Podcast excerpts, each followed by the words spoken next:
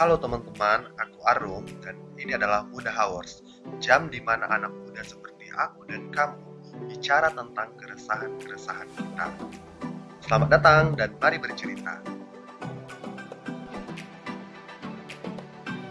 Oke, pertama aku senang banget Kak Saras akhirnya bisa gabung dan bisa cerita lagi. Dan anyway, congratulations sudah sudah mendapatkan gelar Master of Climate Change setelah dua tahun berjuang di Nih, Australian National University ya. ya kak ya. Yes. Dan ya Hmm. dan alasan aku cerita-cerita sama Kak Saras pertama sebenarnya karena pengen terhubung. Kita udah terakhir jumpa 2017 juga kan yang di YLCC. Yes. Youth, Youth Leader ya yang itu. Yes. Nah, habis itu nggak pernah jumpa dan udah sering di WA, udah sering di Instagram, di Facebook cerita-cerita dan kayak kenapa nggak pakai di Instagram Live aja sambil uh, cerita-ceritain uh, Kak Saras gimana kabarnya, apa Exactly. cerita yang dapat selama itu kan. Dan itu sebenarnya Hmm. poin yang mau aku ambil dari pertemuan kita, per- pembincangan kita malam ini dan mungkin uh, sekalian uh, ada teman-teman yang mungkin bisa dapat insight dari uh, diskusi-diskusi kita tentang krisis iklim, tentang uh, pengalaman-pengalaman Kak Saras juga selama beberapa tahun belakangan ini gitu sih. Ya. Oke. Terima kasih udah having having me here.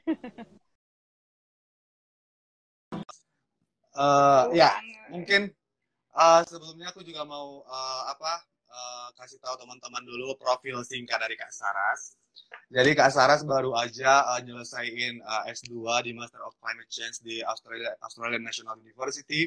Kemudian uh, Kak Saras juga tahun lalu ya Kak 2018 atau 2019 yang pelatihan Climate Reality Project dari Al Gore, uh, mantan wakil presiden US.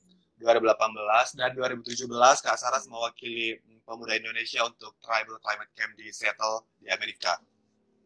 Nah, dari Sama situ dari Sukma. profil sama Sukma sama Drima di sini. Dari profil Kak Saras Oke, mungkin oke. teman-teman teman-teman udah uh, tahu kita bakal cerita apa. Pasti akan sekitar uh, perubahan iklim juga, mungkin tentang pemuda dan mungkin tentang sekolah dan tentang uh, hal-hal yang berkaitan tentang itulah uh, singkatnya gitu. Uh, mungkin untuk mempersingkat waktu, aku mau tanya pertanyaan pertama untuk Kak Saras nih. Kak Saras, Ya. kenapa perubahan iklim di sekian banyak permasalahan di muka bumi ini, di dunia sekarang ini, kenapa perubahan iklim? Kenapa Oke. krisis iklim? Oke, menarik. Eh, mau jawab jujur ya. Jadi Siap. awalnya sih aku aku di meng- mengenal kata perubahan iklim awalnya itu tahun 2017 ketika aku ikut Mhm. komunitas Youth Youth for Climate Change di Medan.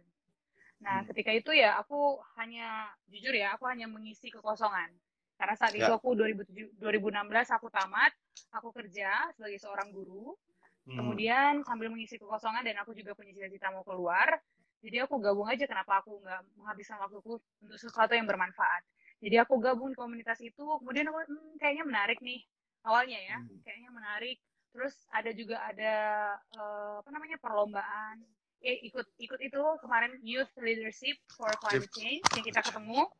Nah di Mhm. situ aku benar-benar rasanya "Ih, ini kayaknya aku bisa nih berkontribusi ya kita tahu perubahan iklim itu ya mungkin ini ada pro dan kontra ya di seluruh Hmm. dunia tapi eh, hampir 99,9 persen saintis itu percaya Scientist. bahwa perubahan iklim itu ada ya perubahan iklim itu ada contoh nyata yaitu eh, beberapa kenaikan permukaan laut di seluruh dunia ya kan kemudian pemanasan global nah aku ngerasa loh aku sebagai seorang guru guru SD Uh, Mhm. kenapa aku nggak juga berkontribusi dalam hal ini?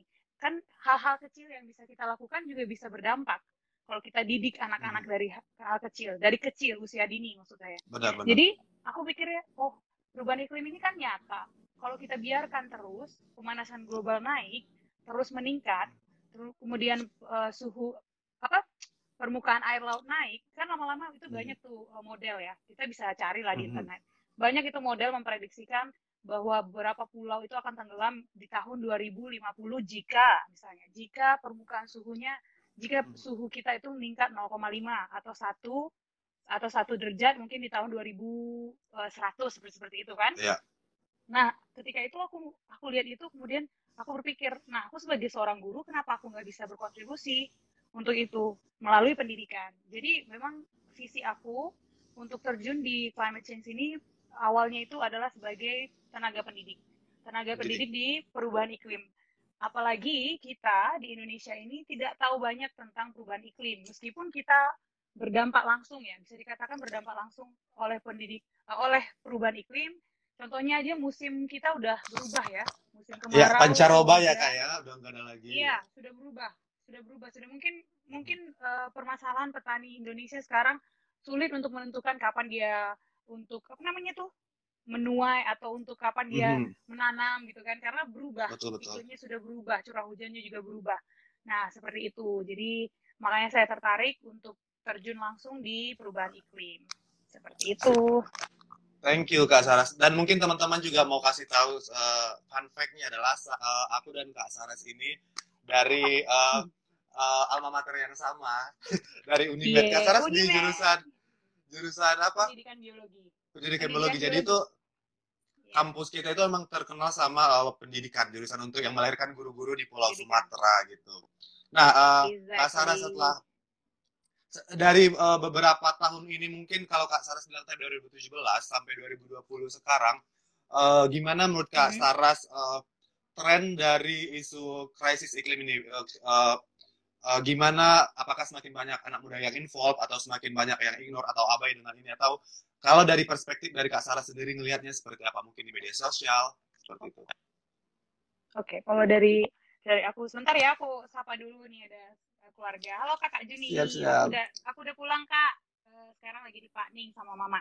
Oke, kalau menurut aku em, trennya ya mungkin masih berpusat ke kota. Udah Hmm. mulai, udah mulai apalagi Jakarta ya udah banyak ya. Sekarang udah anak-anak muda mulai terlibat di bidang itu. Bukan hanya anak muda, kepemerintahan kita juga kan sudah Sip, sip, banyak betul. eh, mulai mulai mengarah ke climate change. Kalau saya lihat mungkin ada beberapa dari kementerian-kementerian, kalau ada yang kenalan-kenalan di sana sudah fokus misalnya dana negara itu ada untuk perubahan iklim. Tapi masih dalam kota-kota Medan, mungkin Medan udah mulai. Medan saya lihat udah mulai. Pekanbaru kita ada juga Youth for Climate Change, tapi juga belum begitu gencar. Kenapa saya bilang belum begitu gencar? Karena aku kan dari Riau, terus aku Hmm. kalau nanya-nanya sama temen perubahan iklim itu mereka juga ma- masih apa itu gitu loh. Bahkan Hmm. perubahan kata perubahan iklim itu masih apa itu gitu loh. Itu apa sih gitu? Bukan Iya. bukan mendalam dia percaya atau enggak, tapi apa itu perubahan iklim? Memang sudah mulai, sekarang sudah mulai banyak ya kalau aku lihat per- perubahannya ya. Sudah mulai banyak dan mulai dan dan uh, ada sesuatu yang aku rasa kemarin tuh ada satu kampung di sini dia lagi kuliah di Unri kemudian dia langsung WA aku terus dia bilangnya gini "E, kak kak saya eh, tesis saya eh, skripsi saya eh, fokus sama perubahan iklim boleh saya tanya-tanya. Oh saya saya jadi aku jadi langsung oh berarti di Unri juga udah fokus nih udah ada bicara tentang perubahan iklim." senang gitu loh. Berarti Hmm. oh, udah mulai udah mulai. Cuman masih tetap eh, kita sebagai anak muda yang tahu tentang ini masih perlu masih perlu bergerak lagi untuk itu untuk menyadarkan semua. Karena aku ada baca satu penelitian dari Yogyakarta itu satu penelitian itu eh, aku lupa daerahnya. Nah di daerah itu dia buat survei hanya sekitar 20 orang yang 20% dari eh, sampelnya itu yang tahu akan perubahan iklim.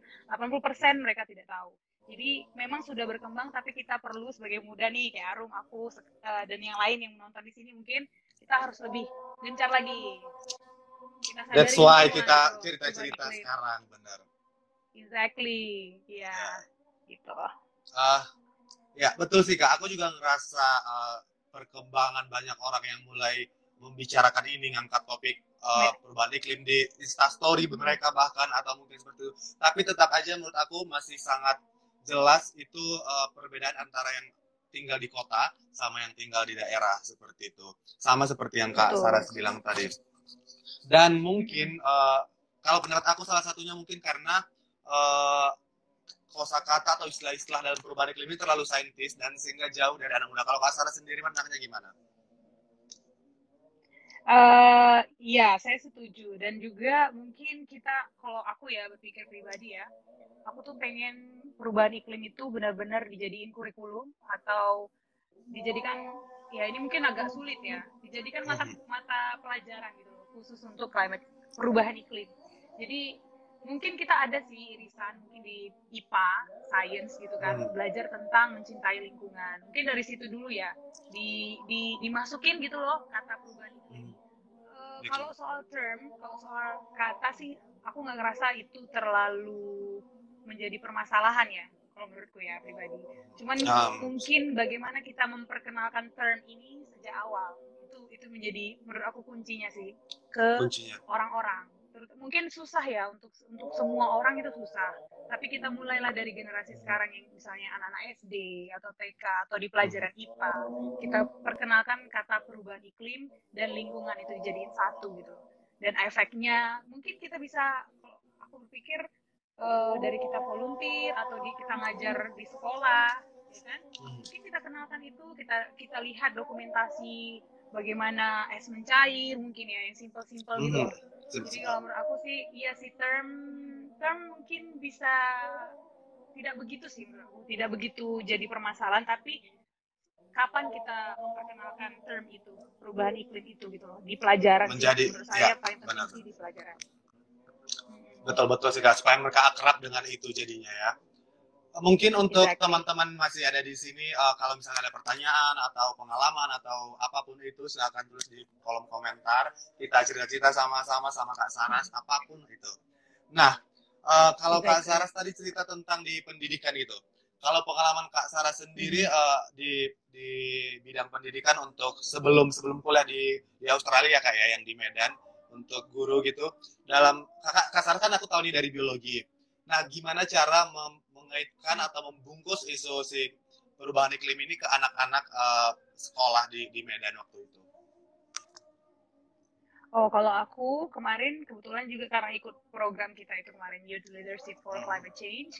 Jadi aku juga sama teman-temanku, kebetulan teman-temanku juga ada beberapa empat orang kami, ya empat orang juga guru.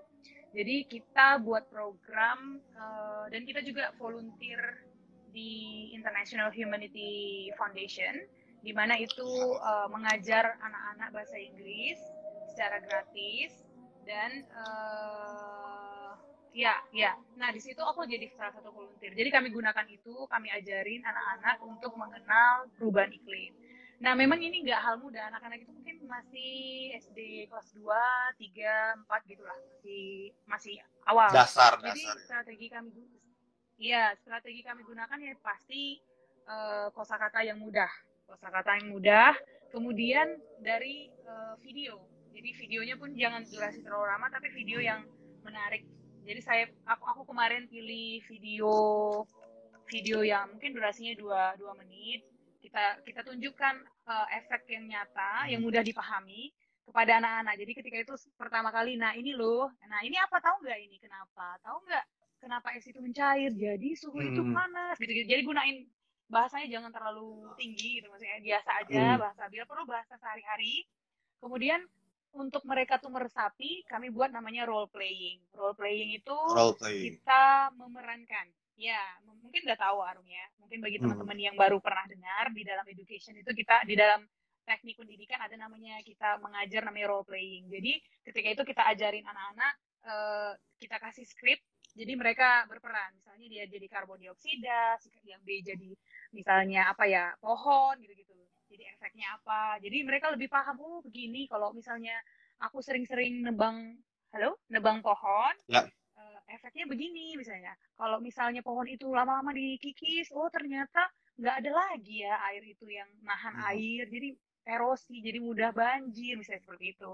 Setelah itu tiga bulan kemudian kita buat proyek.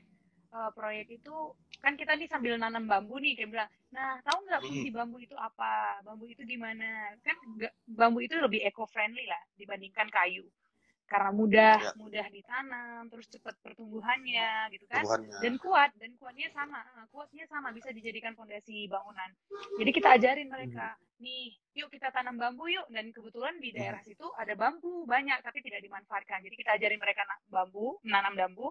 Nah tiga bulan kemudian bambu itu tumbuh kita ajarin mereka Mhm. nah dari bambu ini selain kamu bisa mungkin kalau udah besar buat rumah atau buat eh, bangunan kita juga bisa memanfaatkannya untuk menjadi sesuatu. Nah, kami ajarin mereka membuat kotak pensil dari bambu seperti itu.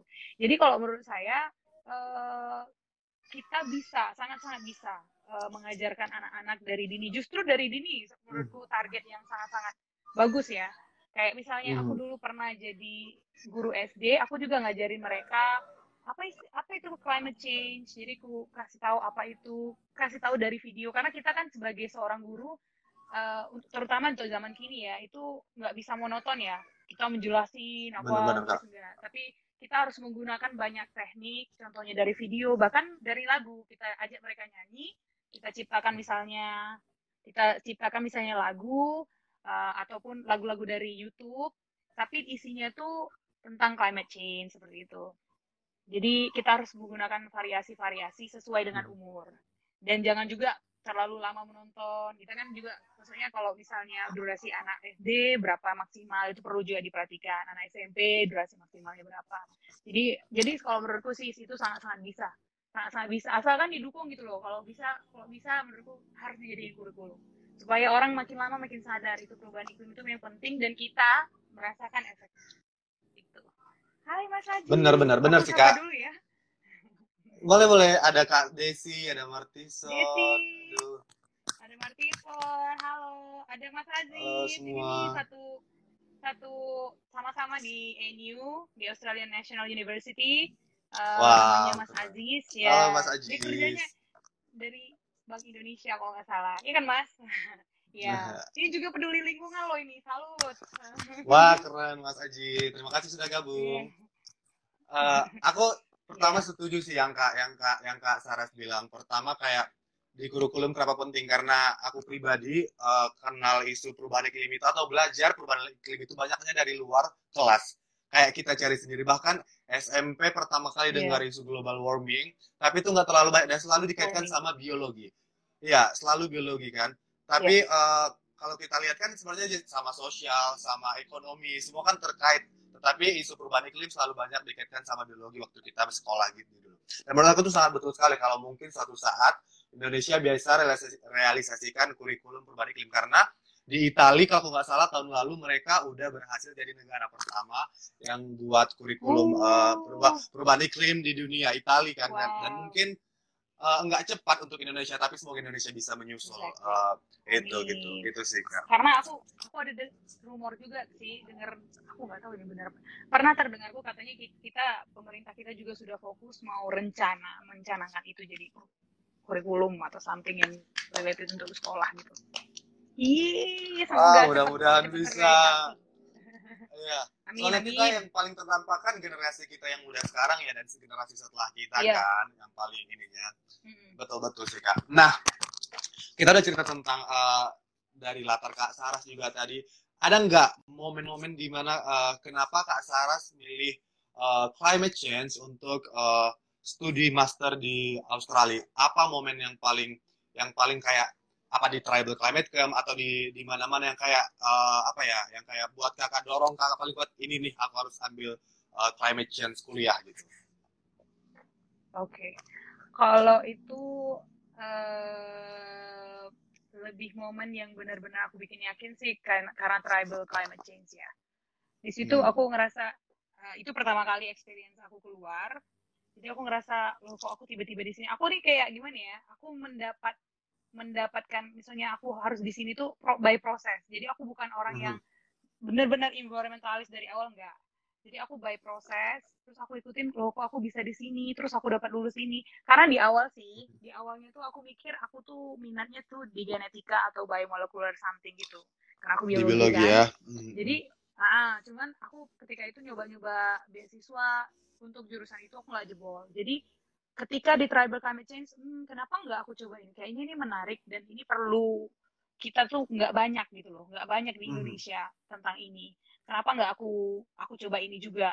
Terus kemudian aku coba dong eh, beasiswa AS kan Australia Awards Scholarship dan puji Tuhan itu lulus gitu kan. Oh berarti benar-benar gitu loh. Berarti memang benar aku harus berkontribusi di Mhm. sini gitu loh.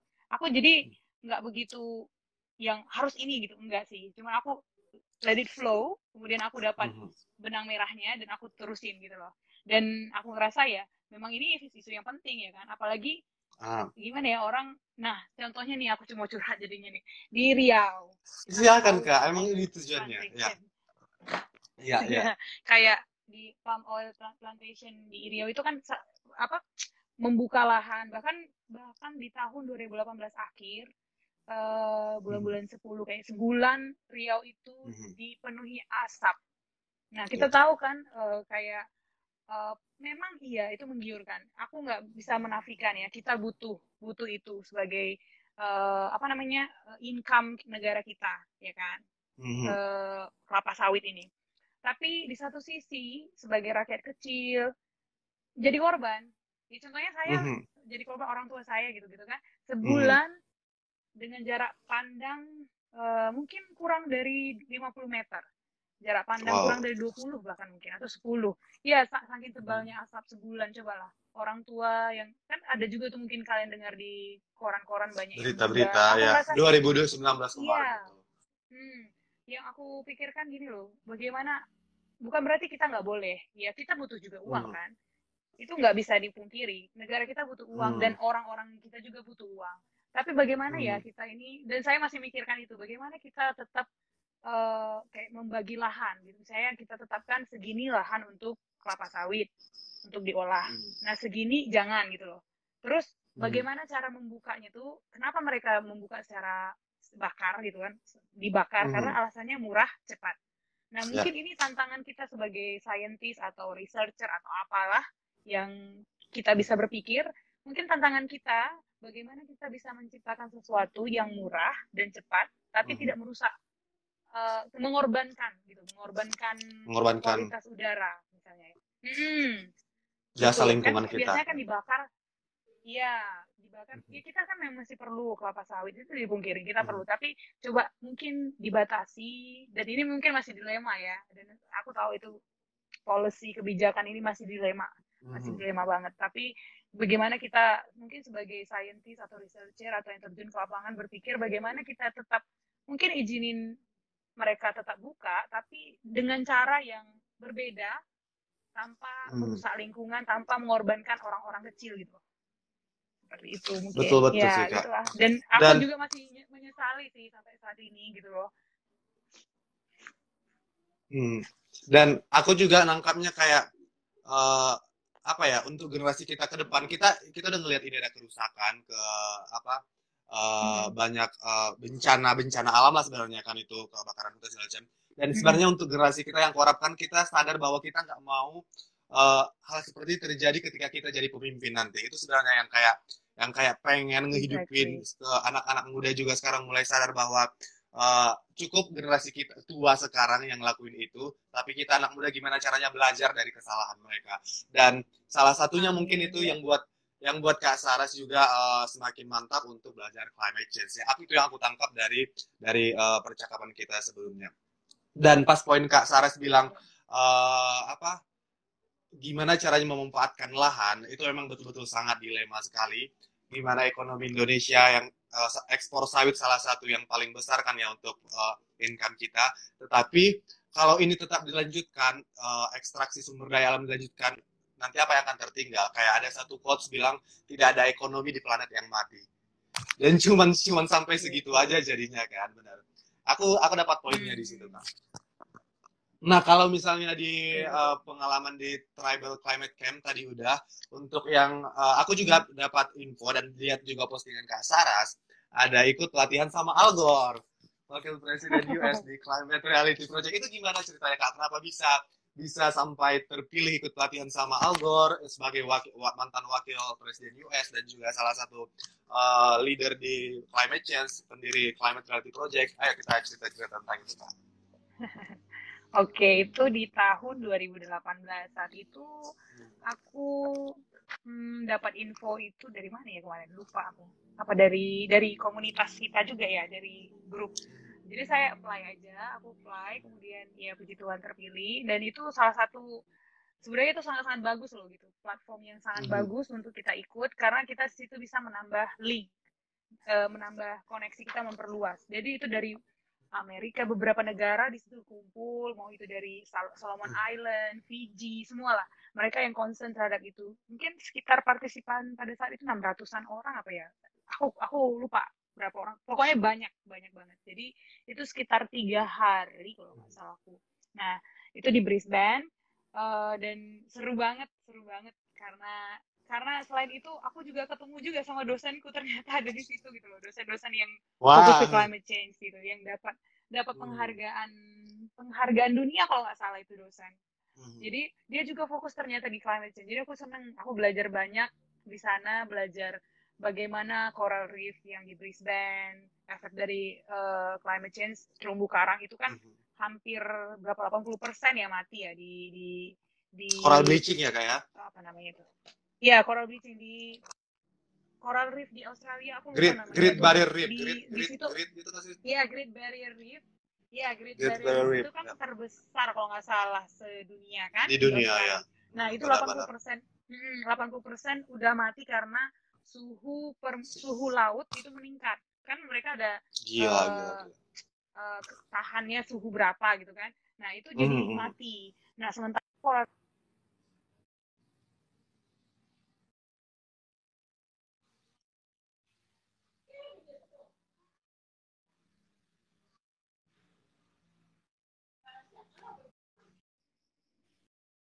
Halo, Chris,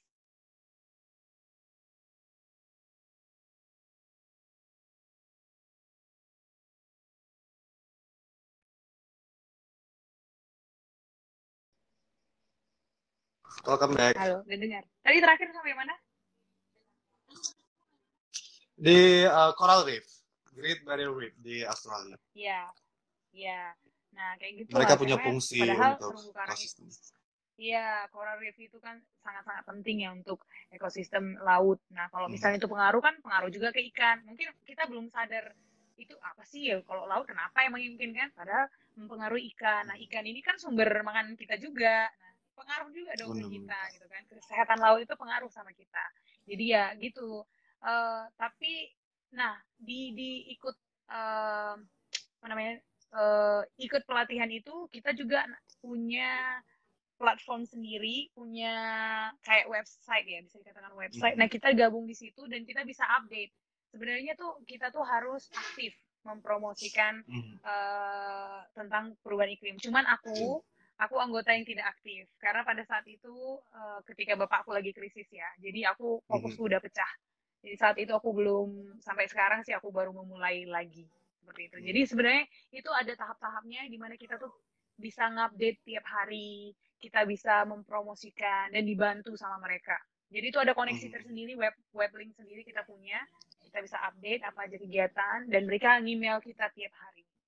Emailnya masuk Wow, cool. mengenai apa update. Iya, keren banget. Ntar Arum coba deh. Itu kan tiap tahun. Aku tuh sebenarnya tahun ini pengen ikut kan online kan ya karena covid kan karena covid ini kan Iya, mereka buat pelatihan global global online cuman kemarin kak kalian udah kirim link juga untuk pendaftaran Hmm. gitu cuman kemarin pas lagi aduh lagi nyusun proposal segala macam jadi kayak nggak pengen nambah ini dulu gitu emang sama kayak kak Sarah juga Exactly, nggak apa-apa. konsentrasinya tuh Iya. mudah-mudahan tahun depan Nggak bisa apa-apa. ikut Iya, oke masih ada peluang lain. Betul betul kak. Nah yang aku tangkap juga dari eh, apa eh, diskusi kita tadi yang kakak bilang tentang dari coral reef sama eh, populasi ikan misalnya, emang isu krisis iklim ini sangat overwhelming dan sangat terkoneksi satu sama lain ya. Aku mungkin mau ngasih contoh Iya. juga kak, lebih ke kayak orang kan kayak ngerasa ya kenapa kalau misalnya eh, air laut naik kayak gitu kan. Tapi sebenarnya kalau suhu su- apa eh, kalau misalnya permukaan air laut naik itu bisa ngelit kita ke eh, eh, apa banjir misalnya atau climate refugee terus nanti akan jadi bukan cuma krisis iklim atau krisis lingkungan lagi tapi jadi krisis sosial dan juga banyak permasalahan-permasalahan lainnya itu sih yang kayak Iya. harus kita lihat dari krisis iklim ke eh, interkoneksinya ke masalah-masalah yang lain benar banget sih kak yang tadi Betul. Nah, kalau misalnya eh, di kakak kan di di Australian National University di ANU ya, EDU ya, eh, belajar tentang climate change. Gimana sih kak eh, selama di sana course-nya, mata pelajarnya apa aja? Mungkin teman-teman nanti ada yang dengar, mungkin tertarik juga dan latar belakang kita apakah harus biologi atau apa yang bisa supaya bisa belajar tentang itu. Misalnya saya latar belakangnya ekonomi bisa nggak masuk kuliah itu jurusan itu. Gitu. Nah, uniknya ini kalau kuliah di luar negeri, itu kita nggak pengaruh ya latar belakang S1 Mhm. kita apa. Uniknya begitu. Tergantung kita ada benang merah itu nggak. Gitu loh. Contohnya ya, kayak aku aku pendidikan biologi dan aku pengalaman kerja itu jadi guru. Nah yang bisa melit aku ke sana karena komunitas volunteer. Hanya karena volunteer. Volunteer Wow. itu dan ikut kemarin eh, program leadership. Nah jadi aku bisa. Itu istilah- istilahnya udah across major lah. Aku udah kayak sedikit lari dari Mhm. jurusan. Kalau dibilang bi- biologi nggak Mhm. juga. Kalau lingkungan iya ada. Tapi kan masih luas ya. Nggak betul-betul menjurus biologi. Mhm. tapi aku bisa. Karena itu karena aku pernah aktif di volunteer sama aktif di leadership training. Nah ada juga aku share temanku. Temanku dia itu jurusannya matematika. Matematika S1-nya kemudian dia ambil di ANU dia ambil jurusan ekonomi applied economy ya applied economy something like that.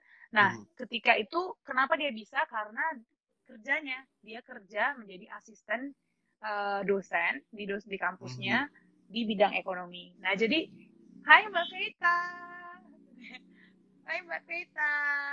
Jadi kalau menurutku eh, Mhm. untuk bisa sekolah ke sana bisa-bisa aja sih mau dari jurusan apa. Yang penting dia kan Mhm. ada sih eh, dia harus misalnya environmental science, baru apa lagi ya?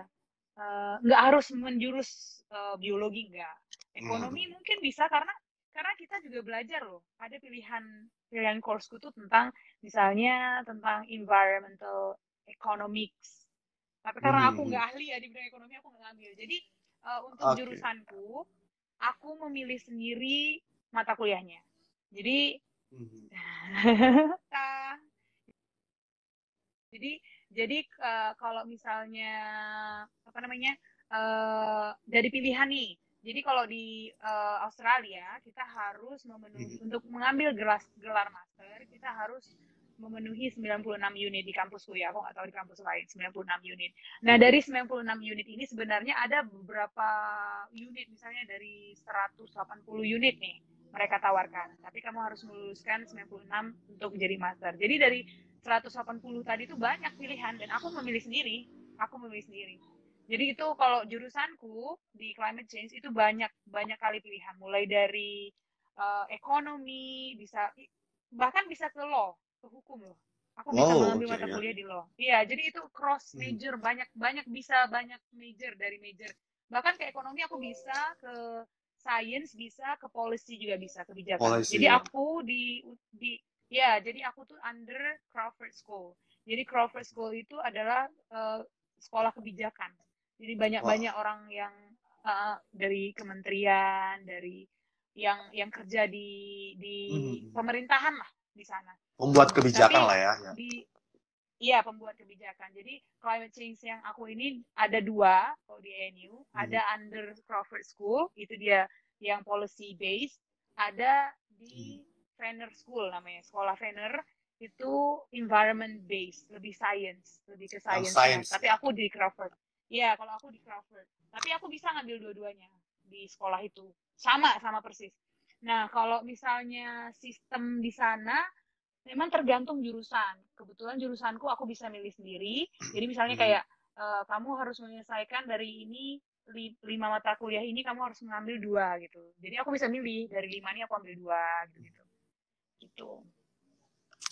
Keren kan. Jadi untuk teman-teman mungkin yang dengar dan pengen kuliah dan belajar climate change juga, jangan jangan takut karena bisa dari eh, background kita apa aja selama kita mau belajar. Lebih seperti Betul. itu ya Kak Saras ya. Betul. Nah, kalau untuk untuk Kak Sarah sendiri eh, selama di apa di perkuliahan di climate change di NU eh, hal kendala yang paling sulit dalam memahami isu krisis iklim ini apa sebenarnya? Di bagian mananya Kak Sarah? Soalnya kalau kita cerita krisis iklim banyak ya dari transisi energi, dari biodiversity, dari solusi berbasis alam sampai kebijakan-kebijakan, instrumen kebijakan lainnya. Kalau Kak Sarah sendiri tantangan terbesar di mana dan yang paling disenangi, yang paling menyantaikan yang mana gitu? Kalau yang menurutku tantangan ya selama aku belajar di sana Mhm. itu policy, bagian policy. Ternyata bagian policy itu sangat ribet. ribet dalam arti gini. Sebenarnya kita udah tahu ini nih solusinya gitu loh. A solusinya. Tapi di policy itu rupanya komplit, nggak bisa langsung ke situ. Dan halo? Dan, dan sering bertentangan gitu loh. Bertentangan antara Hmm. you know uh, interest interestnya pemangku kebijakan stakeholder kebijakan interest, stakeholders interest. Iya, sebenarnya kita udah tahu ini nih solusinya A gitu. tapi nggak Mhm. bisa karena ada kepentingan A B C D E udah tahu Mhm. A solusinya nggak akan terjadi A jadi itu benar-benar wow gitu loh aku nganggap kita udah tahu solusinya tapi it won't happen itu nggak akan terjadi itu nggak akan terjadi karena perbedaan interest dari stakeholders Interest ya. itu nggak akan mungkin terjadi iya karena pada umumnya kan untuk menyelesaikan masalah masalah lingkungan itu kan mahal mahal Mhm. dan Cost. balik lagi income ke negara itu nggak nggak nggak se, se- sepadan istilahnya nggak sebanyak yang kita keluarkan.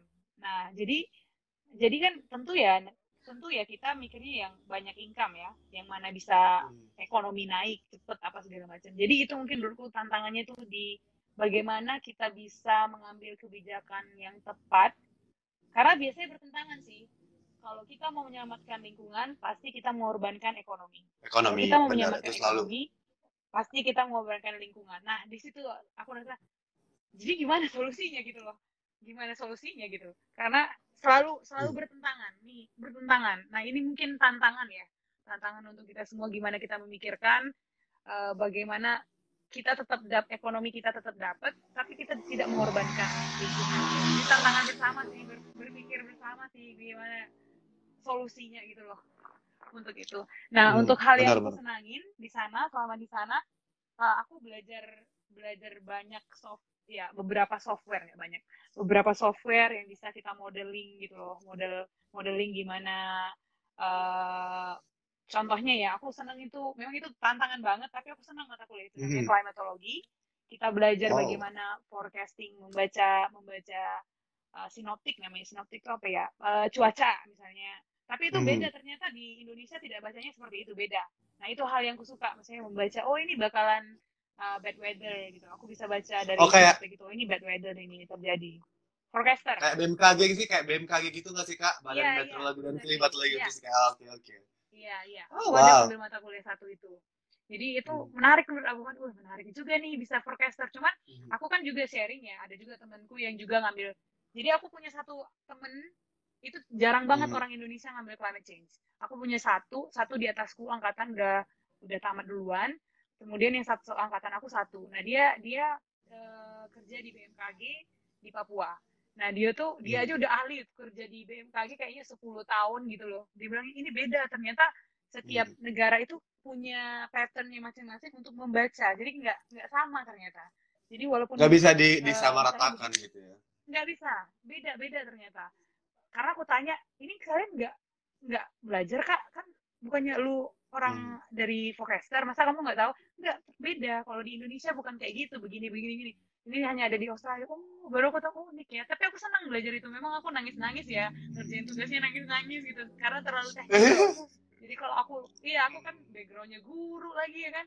Belajar tentang itu belajar lagi cold front apa apa gitu loh pusing lah awalnya. Cuman ya puji Tuhan terlewati sih. Tapi terlewati, iya terlewati. Pokoknya semua mata kuliah tuh unik sih menurut aku. Apalagi yang ngambil eh, policy ini ngomong apa?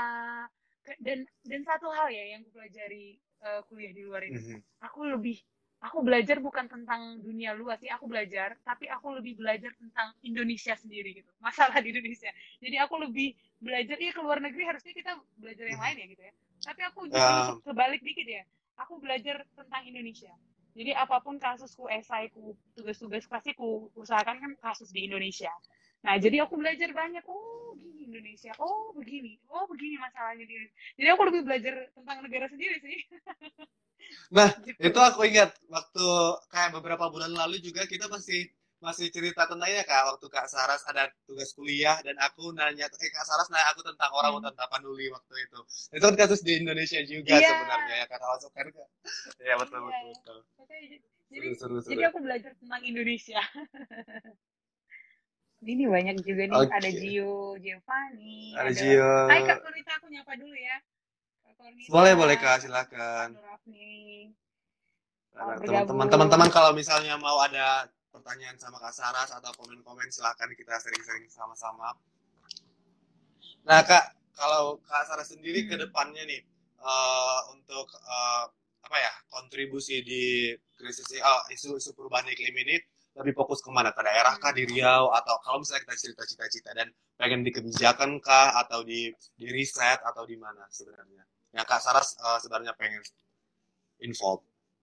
Aku sih pada akhirnya pengennya nanti sih di bidang pendidikan ya pada akhirnya hmm. di bidang pendidikan aku ingin kontribusi itu cuman untuk awal ini mungkin aku juga ada ketertarikan aku di bidang riset dan ada juga ketertarikan aku di bidang kerjasama internasional seperti itu mungkin hmm. di organisasi think tank atau inter internship atau di UN gitu gitu semoga hmm. ada rezeki ya tapi pada akhir finalnya itu aku targetnya sih memang di bidang pendidikan tapi aku mau mencari link dulu lebih banyak hmm. lagi uh, menjalankan komunikasi sama orang lebih banyak kolaborasi setelah dapat link kuat jadi aku baru nanti terjun ke pendidikan supaya lebih kan pendidikan kayak kayak gini kan butuh dana ya benar benar ya. benar benar nah, jadi dengan adanya kerjasama nanti jadi bisa lebih lancar untuk visiku ke depan seperti itu hmm.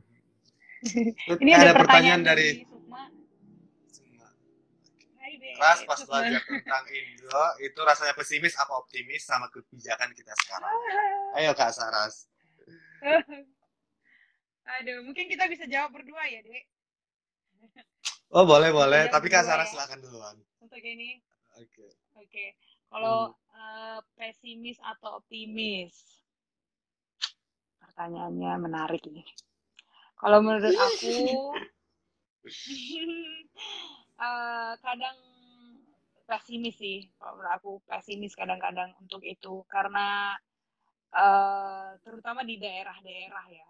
Uh, mungkin masih ter seperti yang gue bilang tadi mungkin masih terkonsentrasi ke kota-kota besar. Tapi itu itu masih bagus ya karena hmm. mungkin butuh proses lama untuk sampai ke daerah. Tapi ya walaupun bagaimanapun kita harus tetap bergerak gitu kita harus tetap bergerak. Pesimis atau optimis tetap harus bergerak uh, kalau optimisnya aku ada juga sisi optimis mungkin bukan di kebijakan negara tapi mungkin di pemudanya Nih, aku ngelihat udah mulai banyak pemuda bergerak, ya mulai banyak aktif di sosial media mengenai perubahan iklim. Nah, aku di situ optimis nih ada kesempatan ini. Kesempatan untuk kita lebih sharing banyak, lebih menginvolve orang lagi, lebih mempengaruhi orang lagi tentang perubahan iklim. Begitu. Mungkin uh, Arum, your turn. Oke. Okay. Kalau kalau aku sih sama kayak Kak, Kak Saras mirip juga. Otomatis aku kayak pesimis. Aku mungkin masuknya uh, terima dari sisi biodiversity ya kak. Soalnya karena kalau lumayan di beberapa tahun belakangan ini aktif di biodiversity atau di environmental services. Jadi kalau untuk di biodiversity untuk kebijakan pemerintah, aku sih uh, pesimis kalau sampai sekarang. Ngelihat gimana uh, effort dari uh, negara sampai sekarang uh, untuk uh, apa prevent uh, extinction apalagi di daerah Pulau Sumatera ya. Kita lihat hutan-hutan di Riau habitatnya sudah semakin habis. Uh, kadang kita balik lagi sama yang Kak Saras bilang tadi ke ekonomi. Gimana di, di Riau sama Sumbar sekarang lagi ada pembangunan jalan tol. Tapi kan pembangunan jalan tol tersebut sangat diperlukan untuk konektivitas antar daerah. Di sisi lain itu buat fragmentasi hutan terbelah-belah hutan. Fragmentasi hutan otomatis uh, akan uh, membuat banyak konflik. Misalnya harimau uh, keluar dari uh, habitatnya. Terus akan banyak sekali akan semakin kalau misalnya ada jalan baru dibuat akan banyak ini dari uh, penelitian dari saintis di mana ada jalan akan meningkat perburuan poaching. Akan meningkat uh, perburuan satwa liar. Di mana ada jalan dibuka di hutan gitu. Nah uh, tapi di sisi lain kalau yang kayak Saras Saras bilang yang aku buat uh, pesimis itu uh, di penegakan hukumnya sebenarnya. Udah ada kebijakan kita lihat uh, sudah ada uh, satwa yang dilindungi, satwa yang terancam punah segala macam. Tapi ketika ada yang uh, bunuh satwa ini atau jual satwa ini, uh, penegakan hukumnya itu uh, sangat mengecewakan gitu. Kadang diabaikan atau karena mungkin uh, tidak terlalu banyak uh, media pressure-nya gitu, tidak banyak uh, tekanan dari media sehingga banyak yang yang apa ya, yang tidak terlalu peduli dengan isu ini sehingga uh, semakin banyak perdagangan satwa liar selama setiap tahunnya dan Indonesia itu rugi sekitar 2 triliun setiap tahun karena dalam satwa liar otomatis sangat merugikan ekonomi juga sebenarnya tapi kata, seperti yang Kak Saras bilang yang buat aku optimis itu grassroots community. Komunitas di akar rumput yang semakin banyak mau bicara terhadap uh, apa ya dampak pembangunan terhadap mereka. Terus uh, komunitas-komunitas uh, masyarakat adat yang sekarang mulai mulai mengerti uh, apa yang harus mereka pertahankan dan apa yang harus mereka terima dari uh, konsekuensi modernitas seperti itu. Dan anak-anak muda tentunya seperti yang Kak Sarah bilang tadi. Itu sih mudah-mudahan menjawab uh, Drima dan terima kasih Kak Sarah sudah jawab. Sangat sangat sangat apa ya? Juga. sangat uh, kompleks sekali berbicara tentang uh, kebijakan di Indonesia karena yeah. kita juga nggak bakal bisa lepasin itu dari uh, law enforcement kan kak penegakan hukumnya di mana kebijakan harus ada penegakan hukumnya juga yang yang harus bagus kan gitu. Oke. Okay. Mungkin mungkin PR sama kita kali ya atau mungkin siapa pun yang bakalan nanti jadi yang yang bakalan nanti jadi ada di kepemerintahan terus ada orang environmentalis gitu loh dan dan bagaimana kita berpikir uh, bisa ya seperti tadi aku sampaikan bisa tetap menghasilkan uang dan menyelamatkan lingkungan karena nggak bisa dipungkiri uang itu penting untuk kelancaran negara sistem negara dan kita juga butuh ya untuk hidup Nah, tapi bagaimana kita berpikir bagaimana tetap menyimbangkan. Memang itu berat ya, agak susah sih. Cuman ya hmm. itulah tantangan kita. Gimana kita berpikir menghasilkan uang tapi tanpa mengorbankan lingkungan. Nah, itu dia PR sih. PR. Nah, mungkin aku juga ada pertanyaan sama Kak, Kak Saras. Gimana pendapat Kak Saras tentang banyaknya, uh, gimana ya, di satu sisi kan uh, kita ngelawan fossil fuel company atau uh, palm oil uh, yang buat deforestasi atau uh, tambang batu bara. Tapi di sisi lain kita juga uh, butuh mereka untuk menyelesaikan solusi ini. Menurut Kak Saras di bagian mana kita kita harusnya lebih dominan?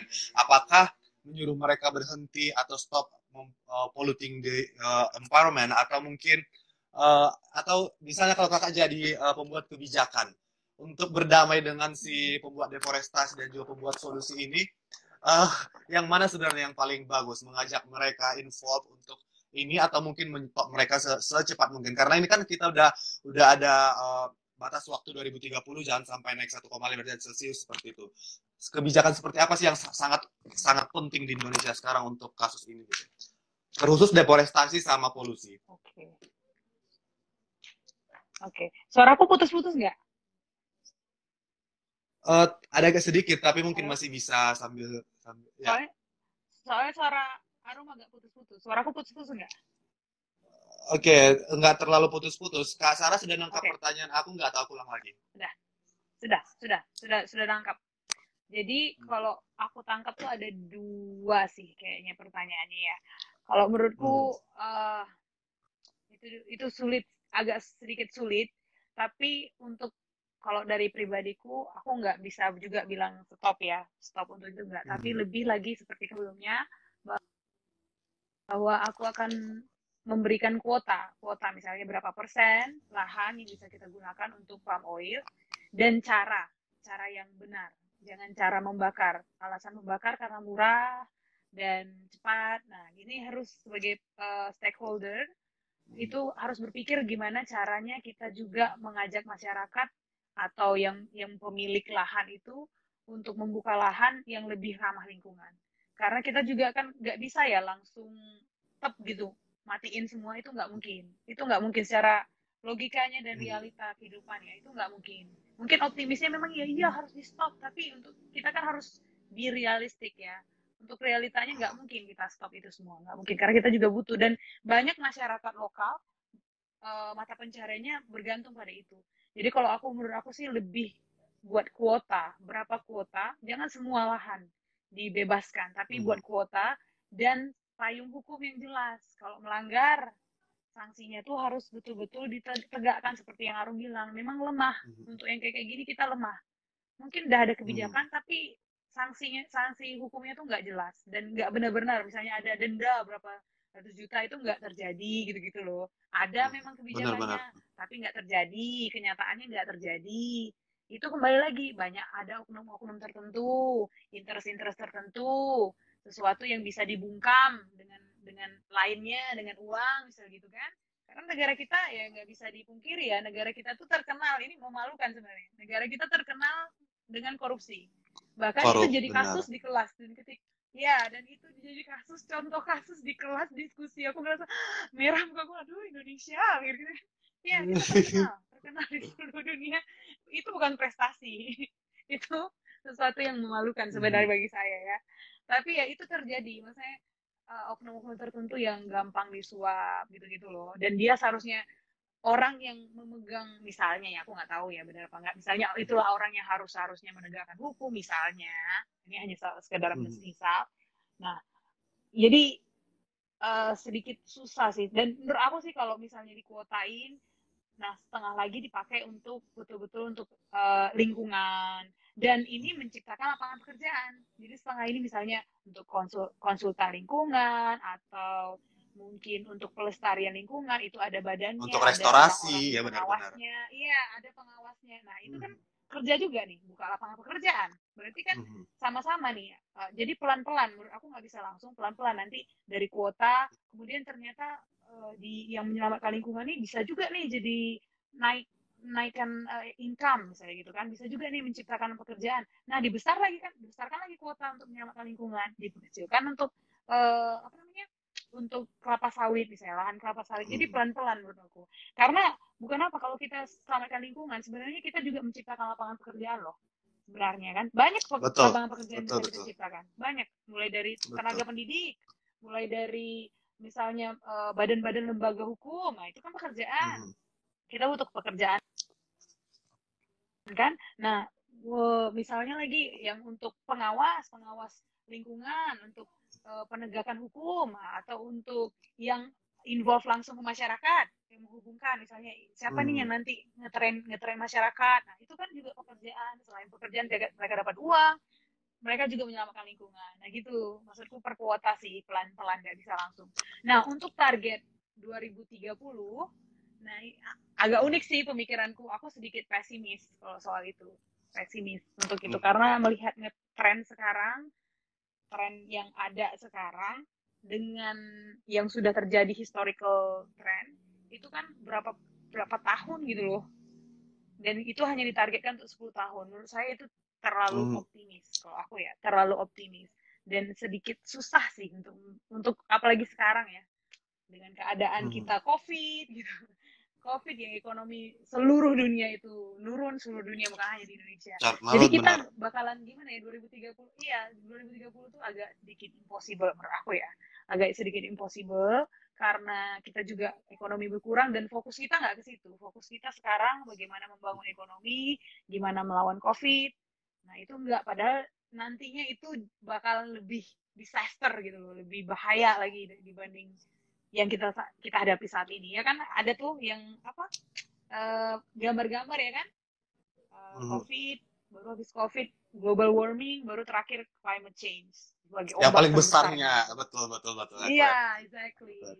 Dan mungkin bisa, Aku- juga ini kan dihubung-hubungkan. Kalau dihubung-hubungkan kayaknya ini COVID nih bisa juga nih karena pengaruh kita merusak hutan. Jadi eh, maksudnya virus-virus yang aturan nature di sana dibawa ke Mhm. sini misalnya kan kayaknya bisa juga dihubungkan seperti itu gitu loh. Mungkin Arum bisa Ya tambahin. benar. Mungkin aku ada beberapa yang aku tambahin juga. Lihat waktu sebenarnya tinggal sedikit. Gak terasa udah hampir mau satu jam loh Kak Saras. Nggak Cuman terasa aku mungkin ya. mau ya mau garis bawahin yang Kak bilang Kak Saras bilang tadi. Cuman aku kayak terpikir kalau kita bicara ekonomi, ini bu salah satu bukti ketika ada krisis iklim, ada krisis COVID-19 sekarang bahwa ekonomi kapitalis itu yang atau uh, global market pasar global itu nggak Mhm. nggak sesempurna yang kita bayangkan. Ternyata ketika ada krisis, ada krisis iklim ataupun krisis COVID, dia bisa rapuh dan kita terdampak. Bahkan kayak ketika ada COVID-19 sekarang di seluruh dunia kan ya, desa-desa terpencil di Sumatera yang yang mereka punya ekowisata luntur, maksudnya kayak Mhm. ekonominya lumpuh gitu. Harusnya mereka bisa bertahan, tapi karena salah satunya cuma ekowisata aja mendatangkan turis, mereka nggak tahu lagi cari uh, uh, apa cari uh, ekonomi dari mana sampai ada beberapa waktu lalu Nicholas Saputra aktor Indonesia buat donasi supaya memulihkan ekonomi di Tangkahan kalau Kak Saras tahu Tangkahan. Hmm, tahu-tahu dong. Nah, nah itu uh, salah satunya menurut aku bukti kalau uh, global market itu sera- serapuh itu gitu ketika ada krisis. Dan menurut aku salah satu yang yang perlu digarisbawahi ke depannya untuk ekonomi adalah gimana membangkitkan uh, ekonomi atau ekonomi-ekonomi kecil, ekonomi-ekonomi desa, di mana masyarakat sebenarnya bisa dapat ekonomi tanpa harus tergantung dari jumlah wisatawan, misalnya meskipun mereka tetap katakanlah kata kasar ada porsinya 50% dari ekoturism dari global, hmm. tapi 50 persennya mereka hmm. bisa dari agroforestry, dari madu yang mereka tanam ambil dari hutan, seperti seperti itu. Iya. Itu yeah. sih kak untuk eko, untuk ekonomi untuk ekonomi dan untuk uh, apa untuk yang 2030 setuju banget sama kasar aku juga pesimis sih. Cuman mudah-mudahan walaupun nggak nggak nggak dapat goals yang itu tapi mendekati lebih ke situ jadinya. Mendekati atau lebih menurun lah uh, apa pemanasan global. Seperti itu. Nah terakhir nih kak. Uh, tinggal sedikit lagi. Oh ya hmm. Ayo boleh kak boleh. Gimana tadi? Tapi kerasa nggak sih misalnya? Kalau memang sih aku nggak tahu cuman aku ngerasa dari aku kecil sampai sekarang tuh aku ngerasa suhunya itu memang betul-betul meningkat. Panas gitu loh. Pulang-pulang ke Riau tuh suhu makin panas aja gitu dibanding aku dulu gitu loh. Ya, aku juga terasa di, gitu. di kampung di Tapanuli kan dekat hutan ya. Tapi semakin lama hutannya semakin sedikit dan lebih ke curah hujan sih kalau aku yang semakin semakin jarang sebenarnya lebih ke situ. Dulu jarang, di ya. bulan-bulan ya bulan-bulan ini udah udah harusnya mas masuk bulan hujan kayak gitu kan. Tapi mudah-mudahan uh, ke depannya uh, maksudnya generasi kita bisa belajar banyak dari generasi-generasi sebelum kita. Gimana mereka merusak lingkungan atau gimana mereka tidak terlalu peduli terhadap lingkungan. Tapi mungkin harapannya dari pembicaraan kita ini teman-teman yang dengar juga walaupun cuma sedikit uh, bisa ngambil pelajaran bahwa generasi kita hal kecil yang bisa kita lakukan untuk menyelamatkan bumi ini gitu teman-teman, terima kasih telah mendengarkan Udah Hours. Semoga bermanfaat dan sampai jumpa.